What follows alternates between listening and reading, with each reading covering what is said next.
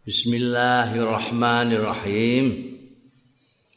Qala al-muallif rahimahullah wa nafa'ana bihi wa bi ulumihi fid dharain amin.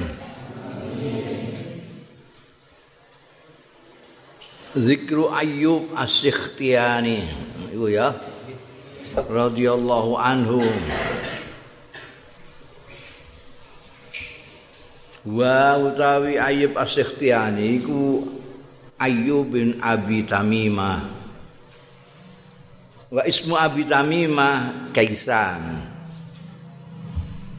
Min nusaki ahli Basra termasuk ahli-ahli badai penduduk Basrah. Di antara dua tokoh-tokoh itu tidak Kufah, Basrah, Kufah, Basrah. Dulu Madinah kesam. Pindah kesam pindah ke Irak. Ufah Basrah ini di Irak. Dan itu persentuhan kebudayaan antara Iran sama Irak itu sampai sekarang. Itu antara ahli sunnah wal jamaah masih Iran Syiah. Qala Al Hasan ngendika sapa Al Hasan Al Hasan ini tokoh yang juga disebut-sebut sebagai Sayyidut Tabi'in yang terkenal Al Hasan Al Basri dari Basrah juga. Ya. Eh, beliau bersama-sama dengan Umar bin Abdul Aziz disebut-sebut sebagai mujaddid abad pertama.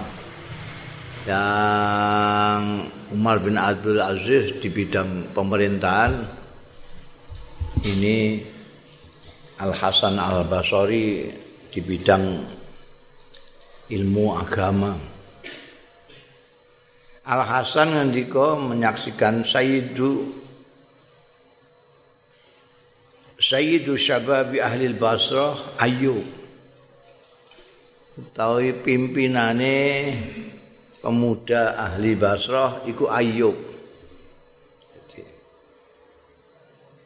Dia tokoh pemuda nih nih Basra itu Ayub seniore Al Hasan itu. Al Hasan Al Basra kebetulan di Basra itu ada dua tokoh besar. Yang satu Al Hasan Al Basri nanti di depan saya kira ini bukan baru Hamzah. Hamzah bak tak tak. Bek nanti Al Hasan mesti tokoh perempuannya Rabi'ah Adawiyah itu. Sufi perempuan yang mempunyai mazhab cinta. Waqala Hisham ibn Hassan. Nanti apa? Hisham bin Hassan. Hajja Ayub arba'ina hajatan eh Yuswani pirang delok. Kajine ngantek ping 40 mau kaji sapa Ayub arba'ina hajatan ing 40 apane hajatan haji. Wis pisane dulu. Mulane kudu duwe cita-cita kok. Cita-cita kudu kaji. Kaji ndak ada kaitan be gak gak ana kaitane mbek duit meskipun secara kewajiban syaratnya manis tatoa. Tapi orang mesti aku ameh gawe buku judulnya naik haji tanpa duit. Oh. Kok akeh cerita-cerita itu cerita nyata yang orang yang tidak kita bayangkan naik haji, naik haji. Misalnya kusir dukar. Itu ada ceritanya dan itu cerita nyata. Ada supir taksi. Ada pengangguran. Kaji bolak balik contohnya aku. Pengangguran orang pegawai negeri nanti warung nanti sawah. Eh? haji bolak balik Jadi tanpa, mulanya kue cita-cita yang, yang paling penting itu cita-cita. Keinginan, niat yang besar sekali itu kok kan Gusti Allah ngerti wong iki ajakane kepengin tenan. Ono sing mau kepengin kepinan to. Biyen ning kene iki ono tokoh ya, Kiai Taifur iku. Kiai Taifur anggota DPR tingkat sak dua Rembang ya tahu, DPR tingkat satu Jawa Tengah ya tahu, DPR RI ya tahu. Tahu ana anak buah iku wong desa ngono. Kowe iku wong desa tani omahmu gedhe kok wong kaji. Aku iki sing luwih sugih timbang awakmu gak iso kaji.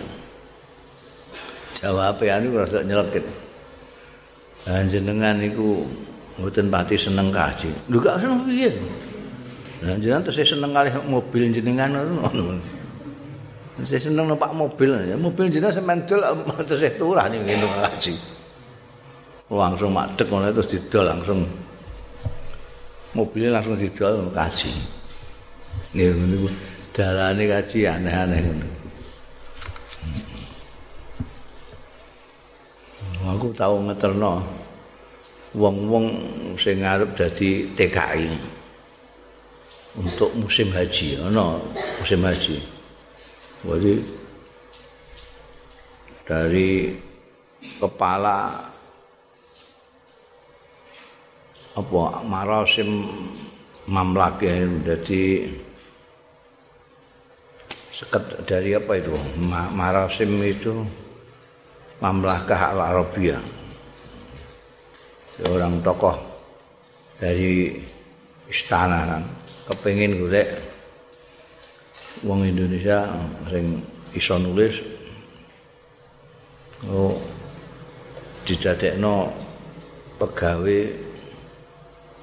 kaji nyateti jeneng-jenenge wong kaji ngalam dunia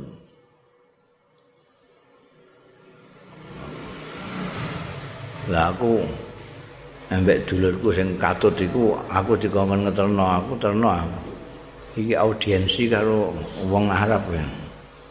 Arabku gak pati ceton. Sampai sing wis tau ning Arab. Tak terno ning kono ternyata ana rombongane kok dari mana-mana itu gak ono sing bisa cara Arab kabeh. Jadi akhirnya aku jadi juru bicara wong semua akeh itu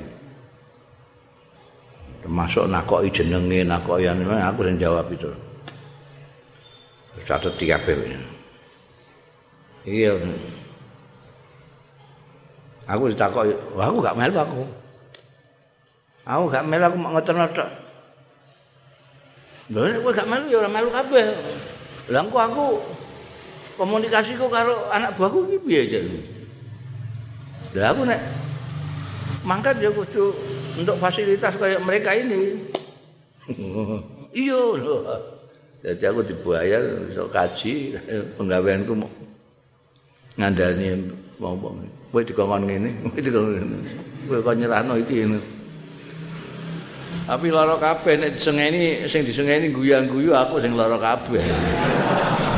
sing disengeni gak mudah guyang-guyu. Lha kok guyang-guyu.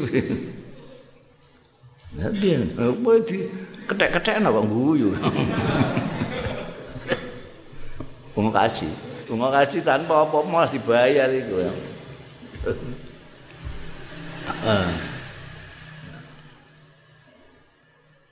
Sing istimewa itu ana supir taksi ning Surabaya. Supir taksi itu supir taksi. Itu ana wong numpak terus dikandani. Sampean kalau naik taksi saya harus tahu kelakuan saya. Gimana?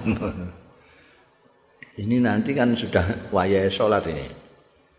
Begitu dulu saya akan mampir. Mbah masjid, mbah musola, pokoknya saya bisa sembahyang dulu, sembahyang dulu. Nah sampean kalau kesusu kan harus ngenteni saya gimana? Iki mikir ana supir taksi kok merhatekno sembayang kok ngantek. Ngono iku. Aku sing ora supir taksi ae kadang-kadang lali wektune sembayang. ya wis engko nek kowe nek sembayang aku melok. Nan tengah dalan duhur muandek nang masjid sembayang sik. sembayang penumpang iki. Anu. Mergo segepe eh, apa perhatiane terhadap salat ngono iku dadi terus di ditebak ambekan peneman kowe iki wis kaji. Waji bagaimana Pak? Ini untuk makan anak bojo aja pas-pasan. Untuk kaji Udah gak kepingin kaji. Wah, kalau kaji mulai cilik saya sudah kepingin kaji. Ya kepingin tak pak. Ini nyalangi ini baru nyalangi. Tapi wong nggak ada turahane. Bagaimana kalau kita kaji yang? Ah, jangan guyong nak pak. iya, nak iya ngono iki ini. Iki kartu namaku. Ayo siap no. Segala macamnya. Waktu penduduk foto sampai turute ini gua aku hubungi. Angkat. Per taksi per taksi lo kaji. Hanya karena dia muni ngono tidak mau. Tanpa duit. Luwih aneh-aneh isi ana aneh luwih aneh. Ana mati keluargane iku. Dadi ana wong iku ora cocok karo wong-wong sing mati ditalkin barang iku gak cocok. Tapi gak cocoke nemen. Ning ndi anggere pidato wong mati kok ditalkin. Wong mati kok diwarai. Wah, puran, kowe nek ditakoki marah buka jangan. Buangku nih krungu api mati. Ngono iku anggere pidato ngasaki wong talkin. Padahal iku ning kono akeh wong talkin. Pidato kali-kali dia mati. Mati keluargane ana kok Jakarta kok diri teko.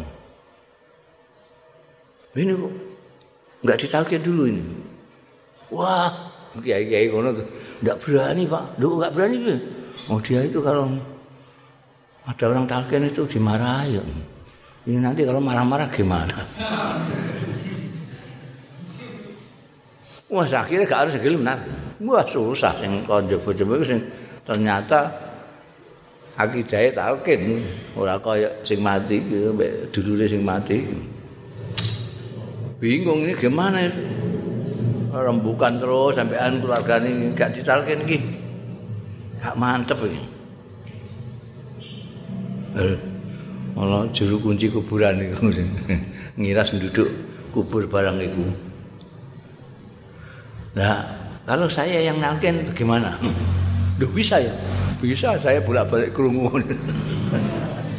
Wah, senenge ra karuan ditalkin tenan mbekane. Juru kunci kuburan iku. Tukang duduk kuburan talkin. Seweneng. Wah, jangan sampean sudah membuat gembira keluarga keluarga. Kami sekarang ingin memberi kegembiraan kepada Anda. Anda pengen apa saja asal kami bisa kami akan laksanakan. Mak celmong terus saya kepengen naik haji. Wah, ya enteng Jakarta itu. Sugih mlegeduk mulai ngomong haji ngono. Ya sudah siapkan kan gaji bersama istrinya. Punya istri enggak? Iya, ya, bersuara. Mau gaji. Mau gaji bayar. Orang terbayang. Bang duduk kubur gaji sekalian. Gara-gara talkin. Iku saya akeh ceritanya bisa akeh. Cerita nyata kabeh. Di samping ceritaku pirang-pirang kaji bolak-balik. Ono meneh itu. Kiai itu sing arep ngajekno iku antri. Ngantek kapundhut iku wis ana 75 sing antri arep ngajekno. Jadi saya gini, apa jenenge Ayub Asyiktiani 40 itu ya. Anu saiki ae akeh sing ngono itu. Mbah bareng ana kebijaksanaan pemerintah Saudi dibatasi iki ya bar kota-kota ya. Kira iki ya antri ngaji dhewe ae ngantekan 20 tahunan ngono. Ding asale umur swidak dadine 100 tahun. Wa qala Abdul Wahid bin Zaid ngendika sapa Abdul Wahid bin Zaid kuntu ana sapa ingsun ma'a Ayyub As-Sikhtiyani ala Hira ning dhuwur Hira aku setahun itu zaman itu Syekh Medeni durung digawe karena banyak haji-haji terutama haji Indonesia sing gane menek-menek ning gunung. Akhirnya terus digawe digawe. Kan banyak sing gelundung medeni no. tahun 69 apa jam tahun 70 aku munggah mundur sewange itu saya tak karuan Ayo membayang no kanjeng Nabi mbiyen piye. Belayu ngetitir mengisar mergo roh malaikat Jibril pertama kali itu kaya apa? Ora kaya gua sur, gua sur yang untuk ndelik kanjeng Nabi Sayyidina Abu Bakar itu meskipun jauh tapi datar gini. Kalau Jabal Nur kan gini. Gua kira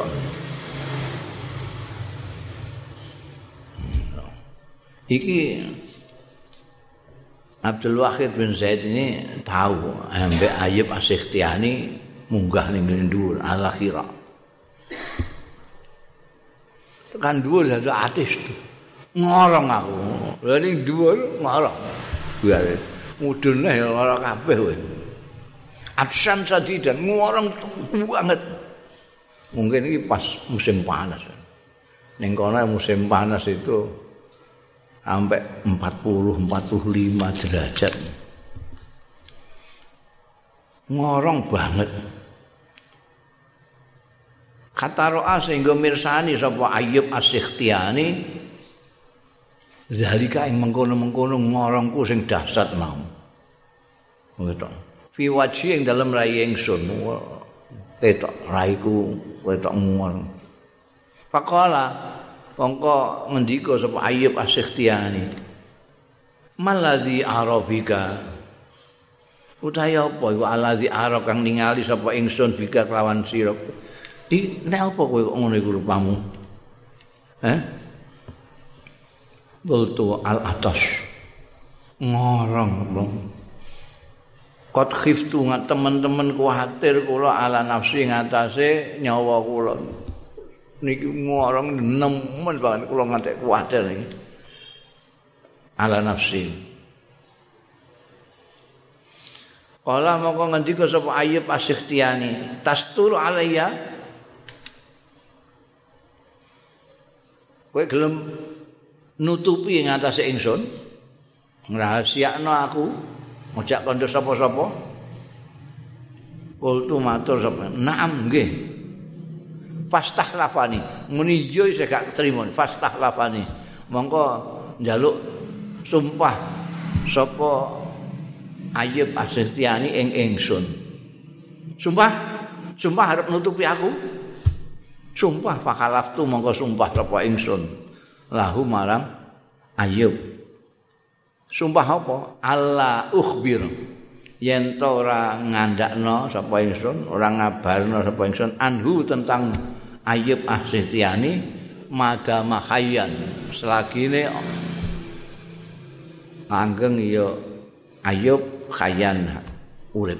Ya selama hidup selama masih hidup saya tidak akan membuka tentang beliau. Apa yang akan dilakukan beliau ini? Bareng aku wis gelem sumpah ngono iku aku ora ngandak-ngandakno tentang beliau selama beliau masih hidup fakhmaza birijlihi mongko meraba sapa? Apa wingi meraba iku? Sikile iku dikenek gosok. Pahoma sama gosokno sapa ayub birijli kelawan sukune ayub ala kira ana ing gua kira modhian duadaan fana ba'al ma mongko nyumber alba alma banyu pasarip tu mongko ngopi sapa ingsun hatta rawi itu hatta rawi itu sehingga rumangsa puas seger sapa ingsun. Wa kamal tu malah isih nggawa sapa ingsun mai sartane ingsun minal mai saking banyu sing nyumber iku mau Pama hadas tu mongko ora nyritakno sebden kepengin nyritakno aku tapi kadung sumpah.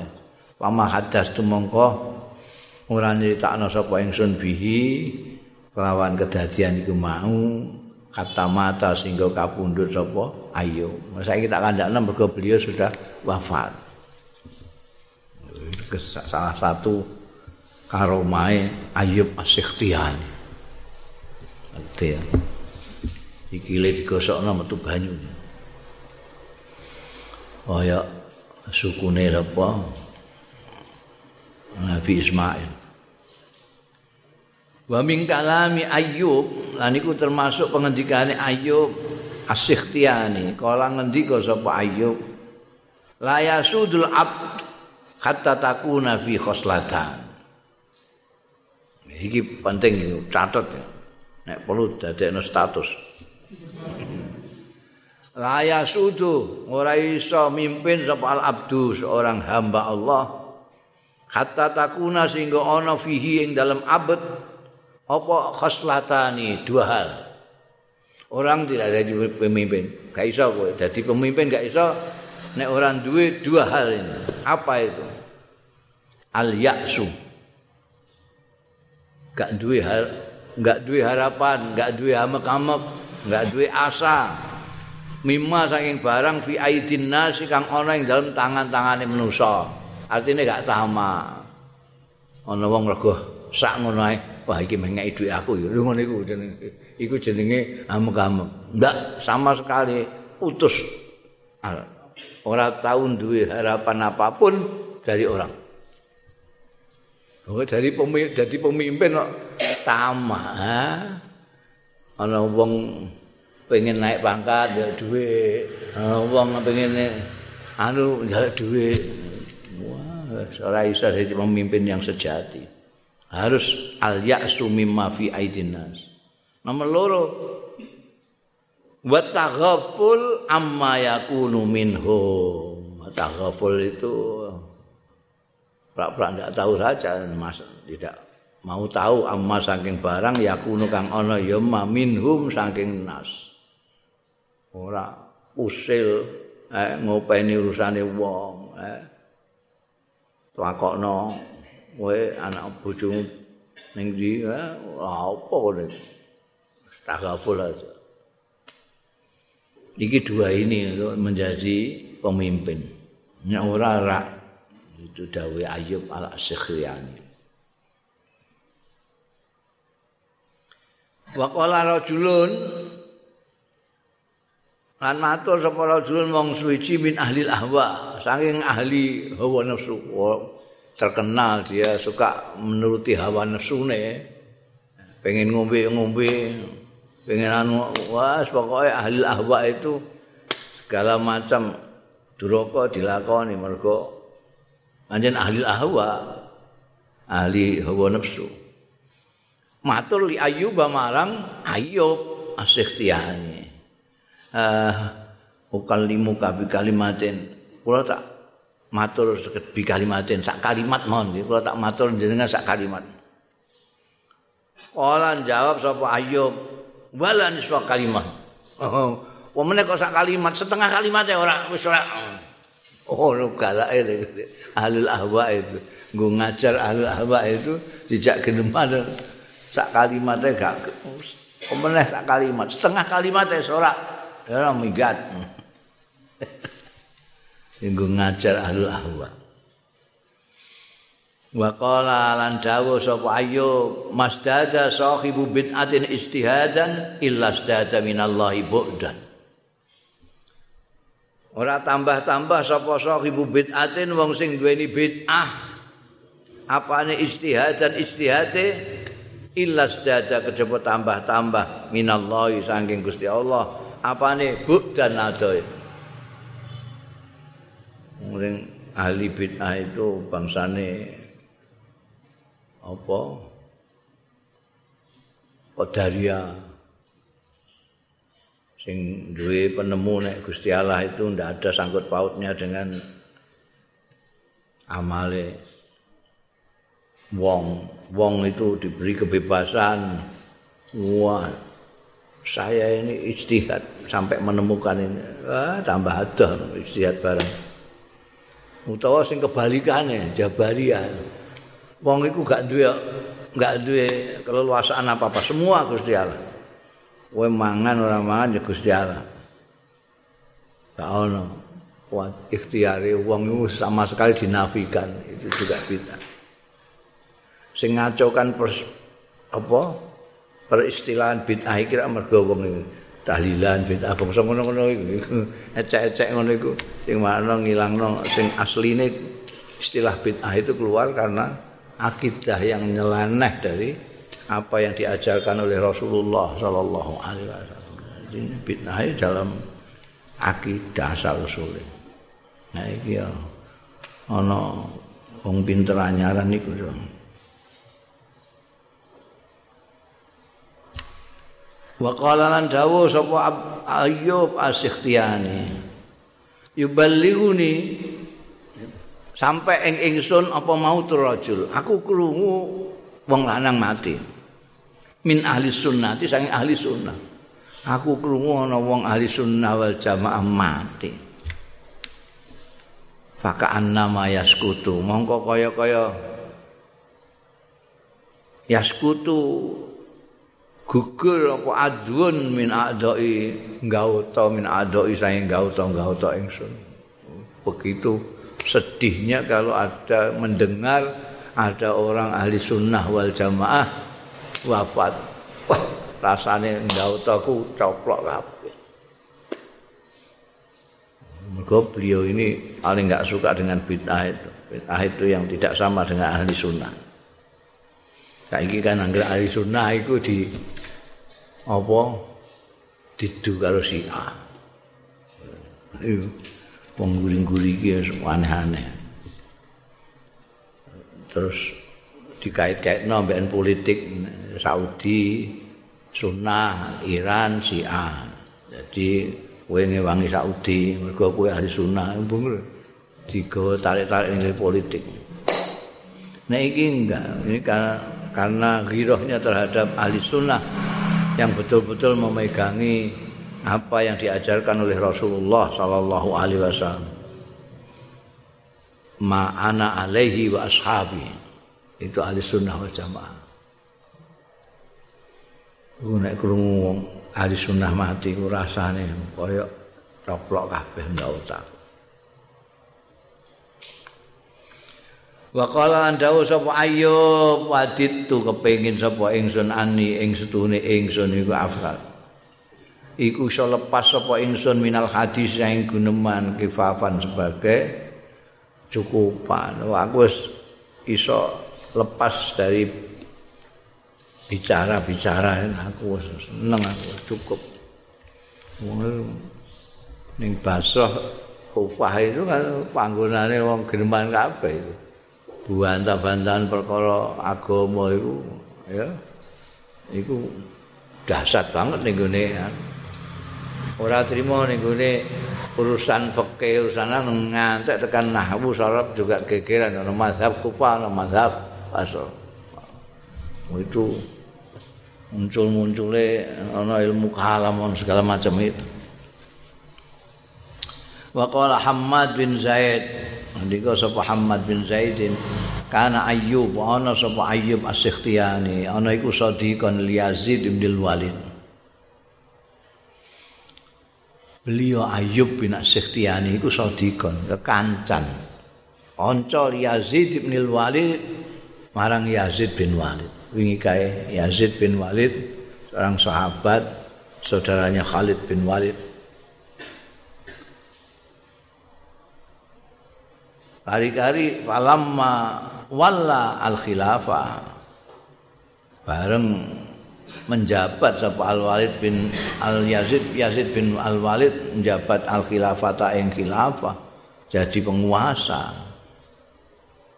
Kala mongko ngendika sapa ayo donga Allahumma adu Gusti Allah ansihi zikri panjenengan lalekaken Al Yazid bin Al Walid zikri ing eling kula. Mbungan sik kono iku kuwate nek diundang pejabat.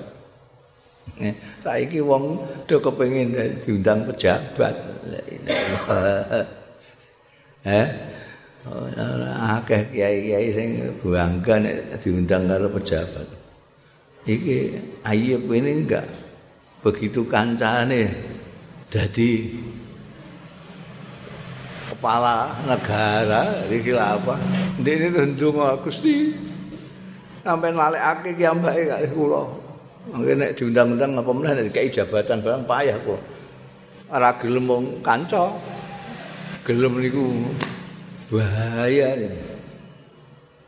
Dan sampai ndonga ngono, al-ma'ansi zikr. Ya. Aku mbiyen gak durung ngerti lho nek nek ayub ku ngene iki, critane ngene iki, tapi aku mbiyen ya wedi. Kancaku dadi presiden yo tau.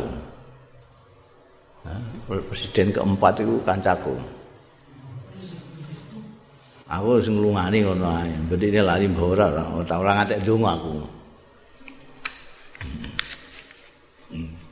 Ternyata ora lali. Aku ditelepon teleponi ae. Ning Jakarta konangan wong dekne presiden dadi ngerti mripate pirang-pirang kupingi pirang-pirang. Ditelepon karo sekretaris e. Sekpri ini. Gus Mus ya? Ya. ini Bapak Presiden ingin ketemu jenengan diminta untuk datang ke istana. Wah, saya ngantuk aku. Itu terus viral nih Jakarta itu. Banyak ada wong akeh. Iya wong gendeng. Di diundang presiden mending ngantuk. bareng suatu ketika Gus Dur ndelok Sri Mulat aku dijak tergelem aku ndelok Sri Mulat dan ndelok timbul lembean tes iku. Terus sampean iya betul. Biar inginannya tak undang nguni ngantuk, iya ngantuk sekali. Tapi jadi sing asli jam 11 bengi. Sampean itu jadi presiden jam tidurnya jam berapa itu? Cara protokolan. Ya jam 11. Lah ya itu jam 11 itu saya ke sana kan enggak tidur sampai. Wong saya yang presidennya. Dan ajudannya saya suruh pulang gitu aja kan bisa. Iki ngantek ndonga. Allahumma ansi zikr.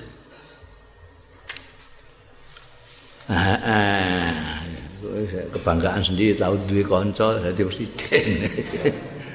Wa qala jalastu Al Hasan. Wa qala jalastu Al Hasan.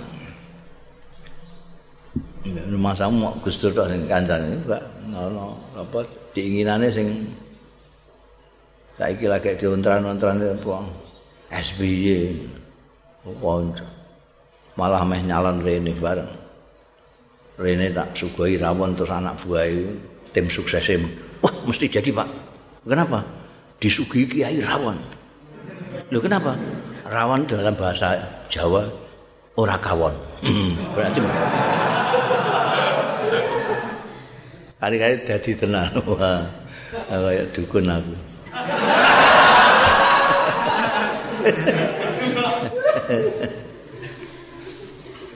Iya.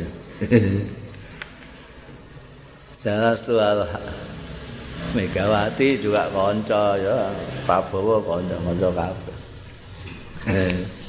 mergo ngerti wong-wong iki ora gelem paling tak kei jabatan ora gelem enak iki. Kancan mek wong ngene-ngene iki. Kancan karo Rafi mesti njaluk apa ta apa iki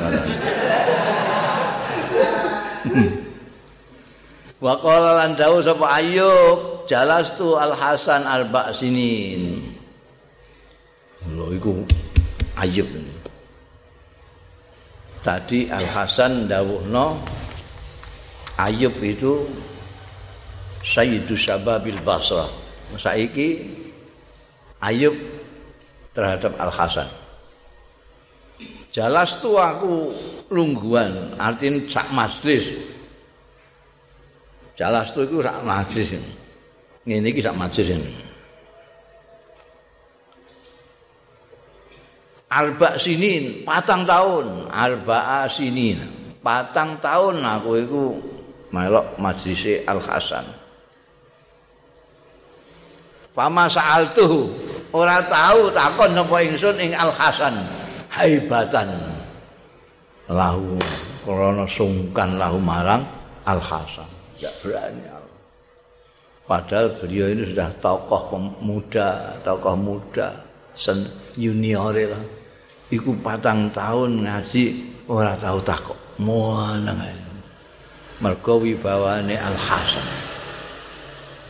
Al Hasan Al Basri itu nalika wafat seluruh Basrah keluar semua takziah yang bisa keluar. Sing iso mlaku sing iso ngadep wabeh. Cilik gede lanang wedok wabeh menghormat. Mana Ayub sendiri patang tahun gak tahu tak takok iki itu gak menengah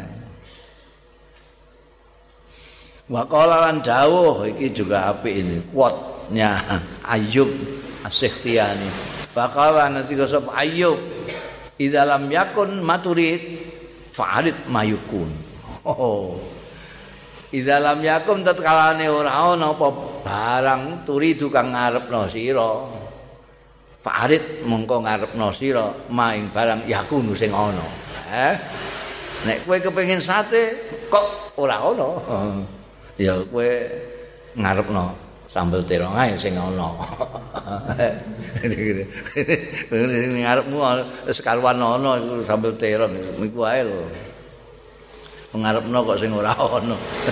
Di dalam yakun maturid fa'arid mayakun. ya, bagus iki kuat ya, bagus status.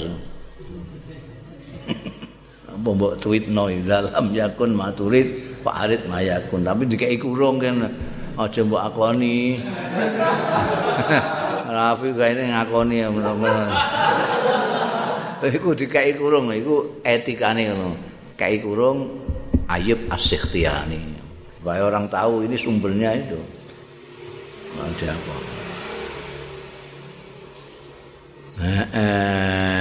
Zikrul Ahnaf bin Qais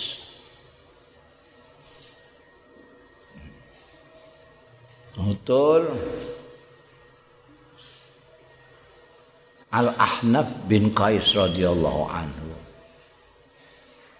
Al-Ahnaf bin Qais ini kunyatuhu Abu Bahrin. Abu Bahrin.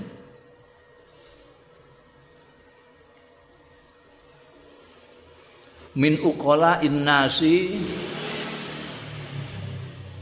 saking orang-orang cerdasnya manusia. Wa fusahaihim lan fasih-fasih manusia. Bukan hanya cerdas limpat tetapi juga fasih. Ono wong sing limpat banget tapi lesannya tidak fasih. Termasuk di antaranya Nabi Musa. Nabi Musa enggak fasih mulutnya bisa ora muni R ora iso. R.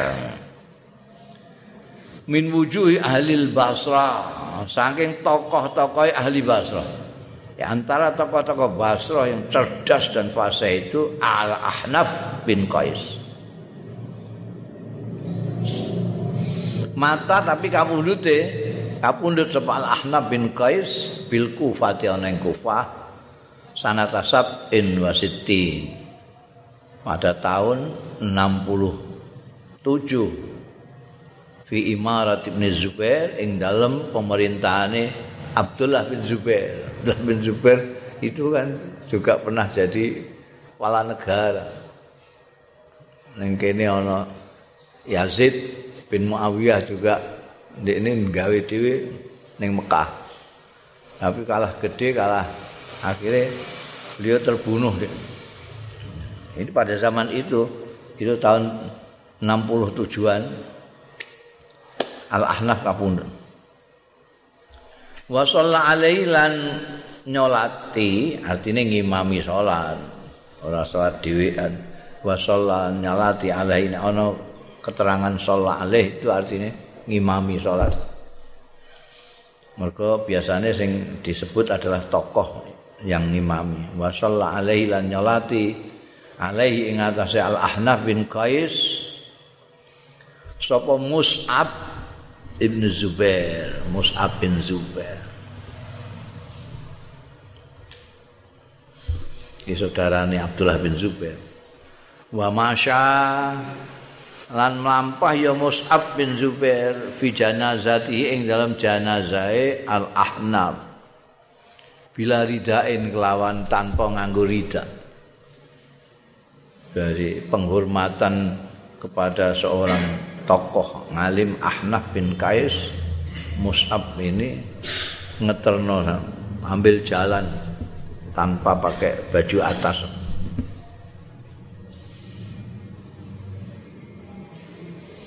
Waqala Malikun ngendika sapa Malik? Kala dawuh sapa Muawiyah lil Ahnaf bin Qais. Iki dawe Malik ceritane Imam Malik. Muawiyah ngendika lil Ahnaf bin Qais ning Al Ahnaf bin Qais. Bima kanthi apa? Sutta kaum maka mimpin sira kaum maka ing kaum sira. Sampean mimpin kaum sampean sepunya Kala Pemimpin la atakallafu maka faitu. Kula mboten merdi-merdi artinya tidak tidak ngongso cari-cari anu. Maing barang kafa itu kang cukup apa itu? Bala udayu lan mboten nyiak-nyiake kula maing barang wuli itu sing beri kekuasaan. Apa yang menjadi tugas saya tidak saya sia-siakan. Tapi saya tidak berambisi untuk berlebih-lebihan. Kalau sudah cukup ya sudah. Aku pengen wah ini kalau saya ginikan lagi lebih bagus lagi ndak. La atakallafu ma itu. Wa qala Ibnu Mubarak andawu sapa Ibnu Mubarak? Kila lil Ahnaf.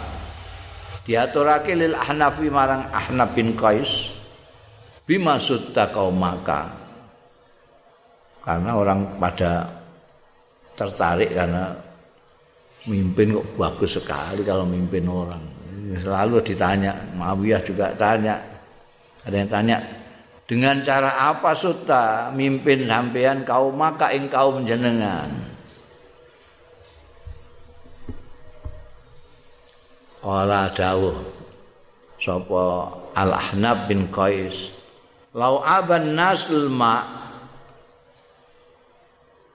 Lamun nyacat sapa nasu wong wong-wong itu anak buahku kaum. Al ing banyu masalib tuh moko ora ngombe sapa ingsun ing mak Oh, iya.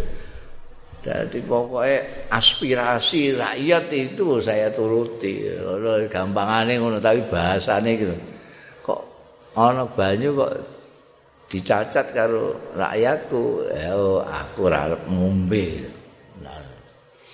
Martine sangat-sangat mengikuti aspirasi ini rakyat nih. Jadi mulane kok kepemimpinannya sangat apa menarik perhatian termasuk Muawiyah. Wakila lil ahnaf lan diaturake lil ahnaf marang ahnaf malaka la tamus lah hasa. Iku keng napa lakal ta sira la tamusu mboten nyentuh jenengan al hasa ing krikil. Biyen durung enek. Durung enek apa jenenge tasbih iku krikil yang dienggo. Subhanallah, subhanallah. Mergo masjid-masjid sudah sejak zaman Sayyidina Umar ke sini itu sudah model saiki mbok saya ana ora iku mbiyen saya ana beberapa masjid di Timur Tengah itu ana dikei kerikil jadi linggah itu kepenak. Beliau kerip. Iku bagian sing terbuka. Masjid itu ana dibuka. Ngisore liyane jubin tertutup atapnya. Nenggone Madinah terbuka juga ana tempat terbuka tapi ngisore ora krikil wis ana ning masjid Azhar isih ana mbiyen zaman aku mbah saiki jenengan kok mboten nate nyekel krikil ngene apa Kala dawuh sapa Al-Ahnab bin Qais. Mafi masih ajrun wala fitarki wizrun. Perang gawean ya. Oh iku mafi masih ora ana fi masih ing dalem demek khasa Mafi masih ora ana iku ing dalem demek. Khasa ajrun utawi ganjaran. Wala fi tarkilan ora iku ing dalem ninggal masuhu wizrun utawi dosa. Lha apa perang gawean? Tak sentuh itu. Ya tidak dapat pahala. Saya tak tidak sentuh ya tidak. Ada dosanya. Eh mbok lono kuwi sing kurang gawean nyinyir ngono mbok takon. Wa qala dawu sapa Al Ahnab bin Qais inna fiyya la khullataini. Setuhune iku ing dalem awakku la khullataini. Ana pepaes loro? Aku iki. Aku duwe pepaes loro? Napa mau niku La aghtabu jalisan. Aku ora tau ngrasani jalisan ing kanca lungguh. Idza qoma tatkalane jumeneng ya jalis min indi saking tandingku. Umume wong wis bareng omongan wong lunga terus dirasani. Iku mau jan cah iku mau kowe kenal gak? Uh muangkelno wong iku. Nah kek bloko jagongan wek ndikne lunga terus dirasani. Aku gak aku gak tahu ngerasani wong sing asale lungguh bareng bareng lunga terus tak rasani gak. Iki siji. Wala adkhulu lan ora masuk sapa ingsun fi amri ning dalem fi amri kaum ning dalem perkarane kaum lam yudkhiluni sing ora nglebokno ya kaum ing ingsun mahum satane kaum. Enek kurunge fihi iku fihi rujuke ning amrin. Ya orang orang ngejak aku bicara aku melok-melok itu lah apa? Saiki ana ora saiki akeh. Sing apa jenenge kepo ngono iku eh? Ora melok dijak rembukan enggak ngomong apa melok-melok komentar ngono iku ngene ngomong dhewe ambekan kancane salah ngomongnya kok ning gone Facebook itu sono sing kurang gawean iki ora dijak ngomong bareng melok ngomong. Nek aku gak eh, dawe apa Ahnaf bin Qais. Wong-wong ora nglebokno aku gak diajak bicara saya ndak ndak ikut-ikut. La adkhulu fi Di samping ana gunane kurang gawean. Wa qala sudi sudiyu Asad hidup sapa Banu Tamim. Ini satu kabilah besar. bihukmil ahnaf di bawah penguasaan ahnaf kepemimpinan ahnaf bahwa hukumnya ahnaf arba'ina sana 40 tahun Mulane akeh sedo gawok mereka bisa loyal semua pada Ahnaf lama 40 tahun. Wa qala Khalid bin Safwan, nanti ke sapa Khalid bin Safwan. Sa'alani Sulaiman bin Malik Ibnu Abdul Malik Sa'alani dangu ingsun sapa Sulaiman bin Abdul Malik Kaifa sadakum? Kepriye mimpin ing sira kabeh sapa al ahnaf Padahal walaisa hale ora ana sapa ahnaf ora ana iku bi asrafikum kelawan luweh mulia-mulia ira kabeh. Dia bukan orang yang darah biru segala macam enggak wala aksarukum malan lan ora wong sing luwih akeh dhewe ira kabeh malan apane bandane. Dia tidak lebih mulia kalian semua dan tidak lebih banyak hartanya dari kalian semua. Kok kalian tundukin mimpin kalian selama ini? Iki Khalid bin Rabbani ditanyai sama Sulaiman bin Abdul Malik. Ini Khalifah Sulaiman itu bin Abdul Malik ini Kultu matur apa ingsun in syi'ta fi salasin. Nek ngesake sampean fi salasin ing tiga jawaban. Wa in syi'ta fi khoslatain. Napa jenengan kepengin in syi'ta men karep sampean fi khoslatain ing dalem dua hal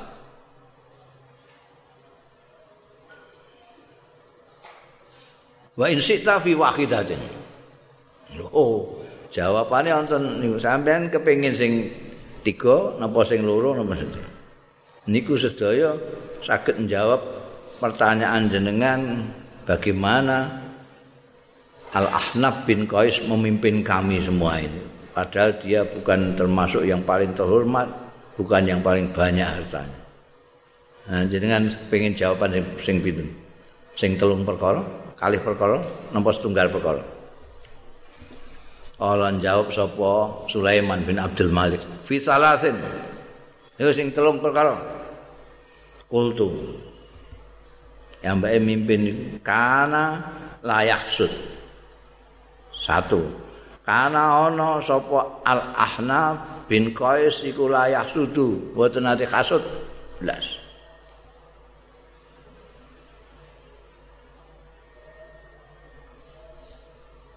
Nomor loro wala yahrusu, ora lobo, ora tamak, ya akhnaf. Wala yadfa'u al-haq. Lan boten nate menolak al-haqqa ing kebenaran. Tiga nek sampean kepengin tiga sing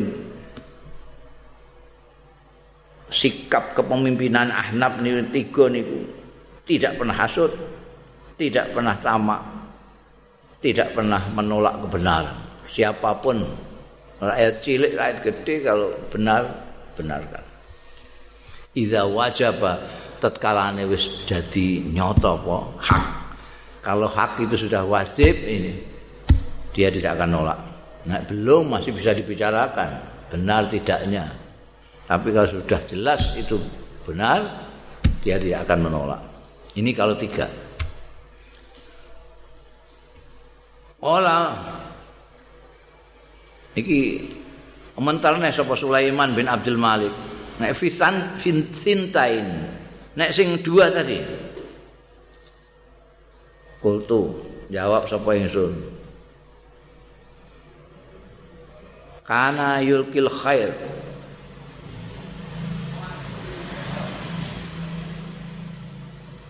Ana sapa Ahnab bin Qais iku yulfi yulki al khair memberikan al khair yang bagus wa yuwak wa yuwaqi lan menghindarkan diri asyara ing Allah. Jadi hanya yang baik dikasihkan menjaga jangan sampai ada yang tidak baik. Yuwaqi asyara. Allah iki apa Sulaiman bin Wahid nututin nek nek fi wahidatin nek sing siji apa? Kultu jawab sapa ingsun lam yakun akadun lahu minas sultan ala nafsi makana lahu ala nafsi. Oh. lam yakun ora ana sapa akadun wong suwiji. Lahu kedue al ahnab bin qais. Minas sultan saking sultan. Ala nafsihi sing iso menekan ala nafsi ing atase awak dhewe ni Ahnab bin Qais. Maka lahu ala nafsi selagi ini ana lahu kedue Ahnab. Lahu maka ini ana. Apa mau sing ngarep apa? Ahadun ya. Lahu. Kedua ahadun ala nafsi ing atase awak dhewe ne al ahnab bin qais. Siapapun cek sultan barang ora iso. Apa menekan dia selaginya dia memang benar dia apa namanya makana lahu ala nafsi dia sendiri tahu tentang dirinya sendiri Kalau tidak seperti apa yang dia tahu tentang dirinya, ya, penguasa cek apa so, orang digubris juga usah. Lam yakun ahadun lahu sultan. Tidak ada yang punya kekuasaan atas dirinya. Selama dia sendiri bisa menguasai dirinya. Kalau terus komentar sapa? Sulaiman bin Abdul Malik ajmalta. Wis menyeluruh sira menerangkannya itu. Betul-betul sempurna. Menyeluruh Waruwiya an Salamat bin Mansur lan den riwayatake saking Sula Salamata ora oh, Sulaim Salamata Waruwiya lan den riwayatake an Salamat bin Mansur saking Salamah bin Mansurin. Kala ngendika sapa Salamah bin Mansur? Kana ana apa ammatu salatil ahnaf? Ana apa sebagian besar umume salate al ahnaf?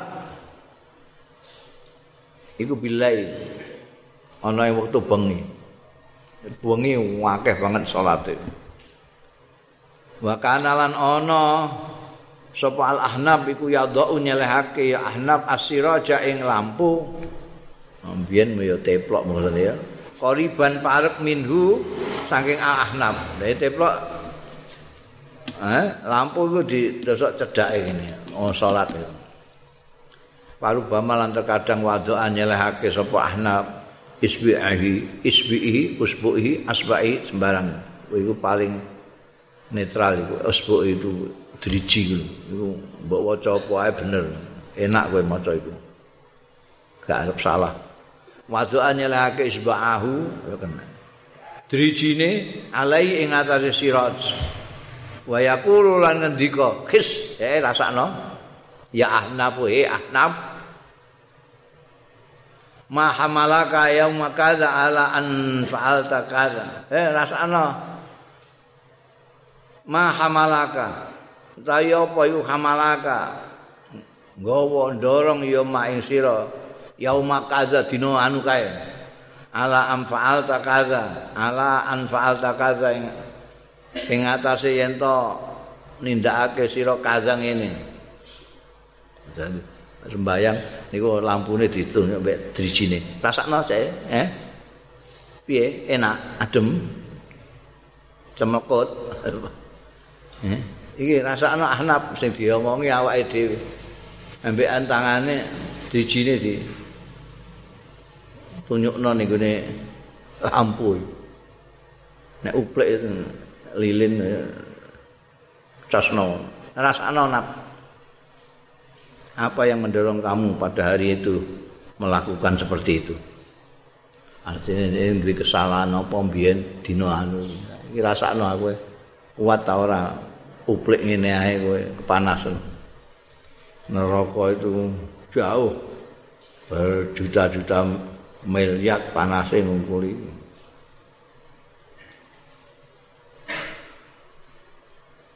Wa qala Mughirah tu ndika sapa Mughirah? Istaka Ibnu Akhil Ahnaf. Wadul mengeluh sapa Ibnu Akhil Ahnaf. Anake dulure Ahnaf dadi ponakan ponakane Ahnaf ilaihi marang Al Ahnaf. Ngeluhkan waj'ad darsihi ing lara untune.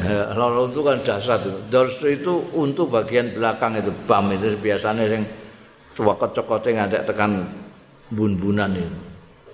Jadi terus matur mbekan pamane Anam. Uh, suarane mboten karuan untuk kula niki. Pakola mongko dawuh sapa Al Ahnaf lahu marang Ibnu Akhine mau, ponakane mau. lakot zahabat aini teman-teman hilang apa aini peninggal ingsun mundu istri nasana beliau ini buta sejak 20 tahun kehilangan meripat mundu istri nasana sejak 20 tahun Pama zakar tuha ora tahu aku nuturno ha ing aini iki mau li akadin marang wong siji. mripatku iki wis 20 tahun gak ono iki. Aku ora tau ngandakno ning ngene wong. Kowe lagi lara untung ngono ae mbok kandakno aku. Ngono ya.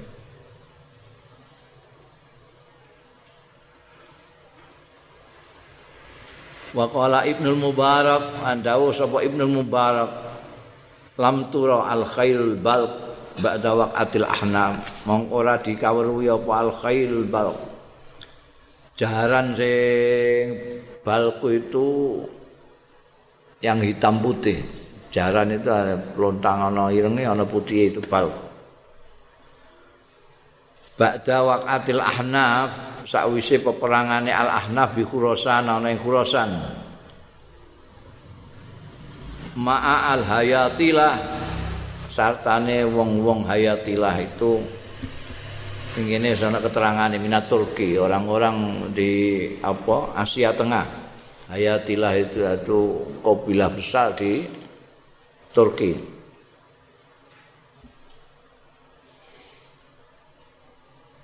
Biar itu orang ulama fakih, orang ulama sufi, tapi nek pemerintah itu udah ngumumno jihad melok apa kayak anu iki ya melok perang ning gone Khurasan. Wa huwa khali utawi Al Ahnaf iku yartajis bersair dengan bahar rojas. Inna ala kulli ra'isin haqqan ay yukhaddiba as-sa'data aw tandaqa. Inna ala kulli ra'isin setuhune.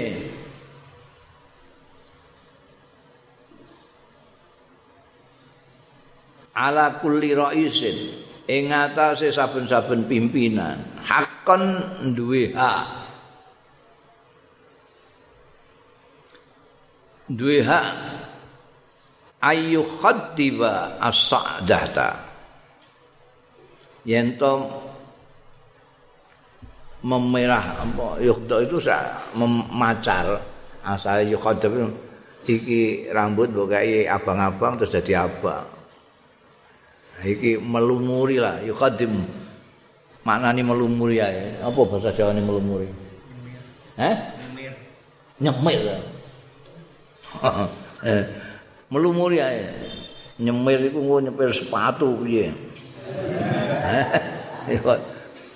Melumuri iku lho tak takokno melumuri cara Jawane apa kok? Mbok maknane dhewe yukhadim nyemir. Apa? Apa melumuri eh ngapura tembok. Melumuri ngelabur itu teratur melumuri gak teratur ya. Eh? Kowe nek ngelabur itu kan teratur. Oh esek esek melumuri biru gak teratur. Apa melum eh? Eh? Coba nek salah kowe biasa salah kok ayo khadibu ayo khadibu ya wis aku jopo aku wong Indonesia. Ya aku maknanya ini bahasa Indonesia. Melumur jadi sudah haknya pemimpin ayo khadiba untuk melumuri as-sa'data ing tombak. Atau tandaka atau hancur. Dia akan remuk artinya tanda menjadi remuk atau dia melumuri tombaknya dengan darah melumuri itu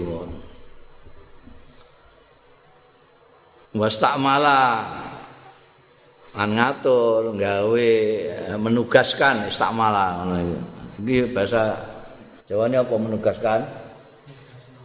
Nugasi menugas. Wastakmala menugaskan nugaskan. Alal maima sopo? Kan dari pimpinan mau sopo jenenge? Ahnaf bin Qais ya. jadi pimpinan jadi rois. Jadi dia menugaskan alal maimana ing atase sayap kanan. Nek perang itu ana sayap kanan ana sayap kiri. Biyen zaman Abu Sufyan jadi panglima perang melawan kanjeng Nabi ning perang Uhud. Itu maimanai Khalid bin Walid sing mai saroe apa? Amr bin As. Sing ngacir pasukan Islam pada waktu perang Uhud. Iki aneh meneh Al Ahnaf ini. Al Ahnaf bin Qais ini mimpin perang di Khurasan itu ngangkat nugasake alal maimana untuk sing sayap kanan rajulan ing wong lanang yaqra'u sing maca ya rajulan al baqarata ing surat baqarah. Sing kanan mimpin ambek maca surat Baqarah. Wa alal maisarah lan sayap kiwa menugaskan rajulan wong lanang yaqra'u sing maca ya rajulan Ali Imran. Ini maca Baqarah kan. Kamu saya kan iki apa ya? Mesti kira-kira wedi. Oh, perang kok niku. Maca Quran surat Baqarah sampai Ali Imran. Wa huwa kale utawi Ahnab bin Qais iku fi arbaati alafin ing dalam pasukan 4000 padahal musuhe wahum fi sulusi mi'ati alfin. 300 ribu musuhe itu. Iki perang wis ning apa? Parsi zamane sahabat Umar perang melawan orang-orang Parsi. Orang-orang Parsi itu tentaranya 300 ribu. Nah, sing bareng kalau anak ini mau patang ewu. Tapi yang Gusti Allah panasarahu mongko menangake ing Ahnab bin Qais balane sapa Allah Gusti Allah alaihim ing atase musuh iki sing 300.000 alaf.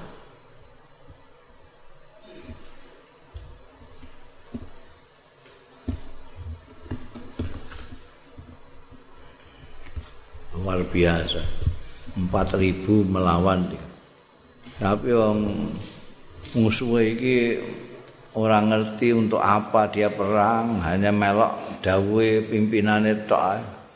Nah, pasukane Ahnaf ini penuh keyakinan.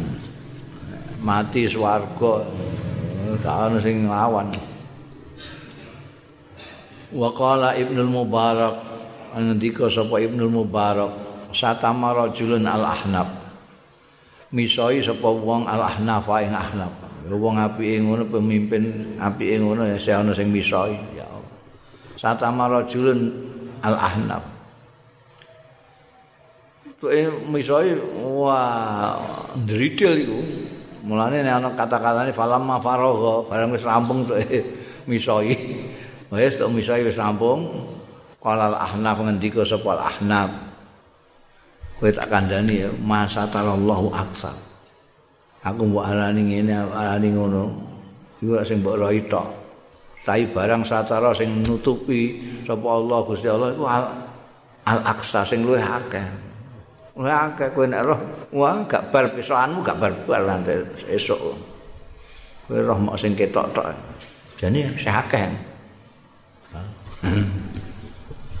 Wong bisa yo muni ngono. Wakila lil ahnaf.